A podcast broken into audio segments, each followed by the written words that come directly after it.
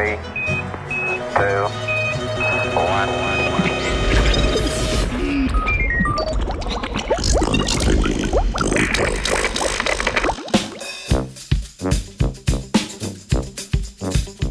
Dobro jutro. Kaj se skriva na obzorju?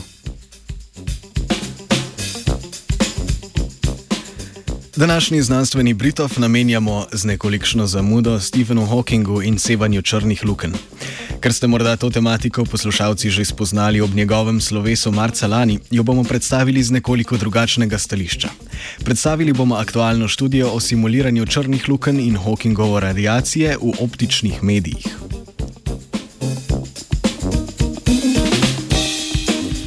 Hawking je leta 1974 na podlagi miselnega eksperimenta postavil tezo o obstoju nenehnega toka delcev, ki izvira z dogodkovnega obzorja črne luknje. Kot je bilo znano še prej, kvantne fluktuacije prav povsod vse čas ustvarjajo pare delcev in antidelcev. Ti se nanadno zelo kmalo po nastanku srečajo in uničijo.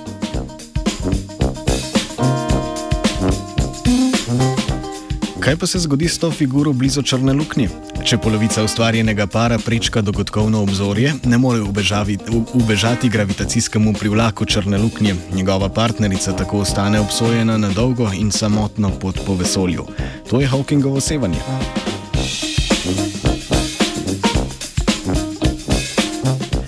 Astrofiziki do zdaj še niso uspeli neposredno opazovati Hawkingovega sevanja. Razlog za to je svetlobna onesnaženost, ki jo proizvajajo črne luknje med požiranjem ostale snovi. Že leta 1981 pa je kanadski fizik William Anruh razmišljal, kako bi lahko isti fizikalni pojav simuliral v laboratoriju. Anruh je predlagal, da bi dogodkovno obzorje, mejo, onkraj katere zares ni vrnitve, bilo mogoče opaziti tudi v kvantnih tekočinah.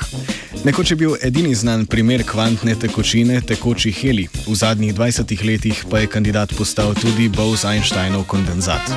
V zadnjih sedmih letih se je pojavilo nekaj člankov s trditvami, da so v njem opazili znake Hawkingovega sevanja. O večini teh objav obstajajo dvomi, da gre za real deal. Opažanje, tako kritiki, se namreč v nekaterih podrobnostih ne skladajo s teoretičnimi napovedmi.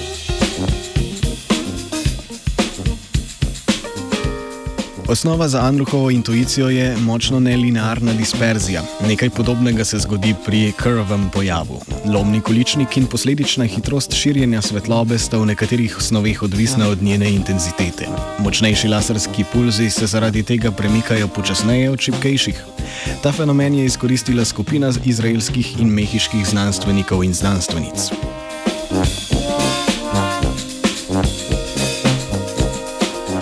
Nedavno objavljenem članku poročajo o stimuliranju Hawkingovega sevanja. V eksperimentu so na močen puls svetlobe, upočasnjen v snovi zaradi krvavega pojava, posvetili z drugim laserjem.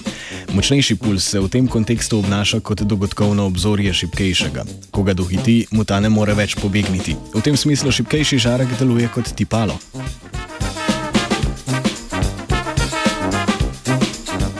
Raziskovalna skupina je med opazovanjem tega srečanja zaznala premaknjen vrh v spektru. Te svetlobe tako avtori ne moremo razložiti le z optičnimi pojavi, temveč je združljiva le s Hawkingovim sevanjem. Avtori še opozarjajo, da pri njihovih eksperimentih še ne gre za pravo eksperimentalno potrditev Hawkingovega sevanja. V poskusu so uporabili tipalni žarek, medtem ko ga izvorna teorija ne potrebuje. Kljub temu so avtori optimistični in verjamejo, da s tem odkritjem stopajo naproti optičnim opazovanjem pravega Hawkingovega sevanja. Obzorje češe Martin.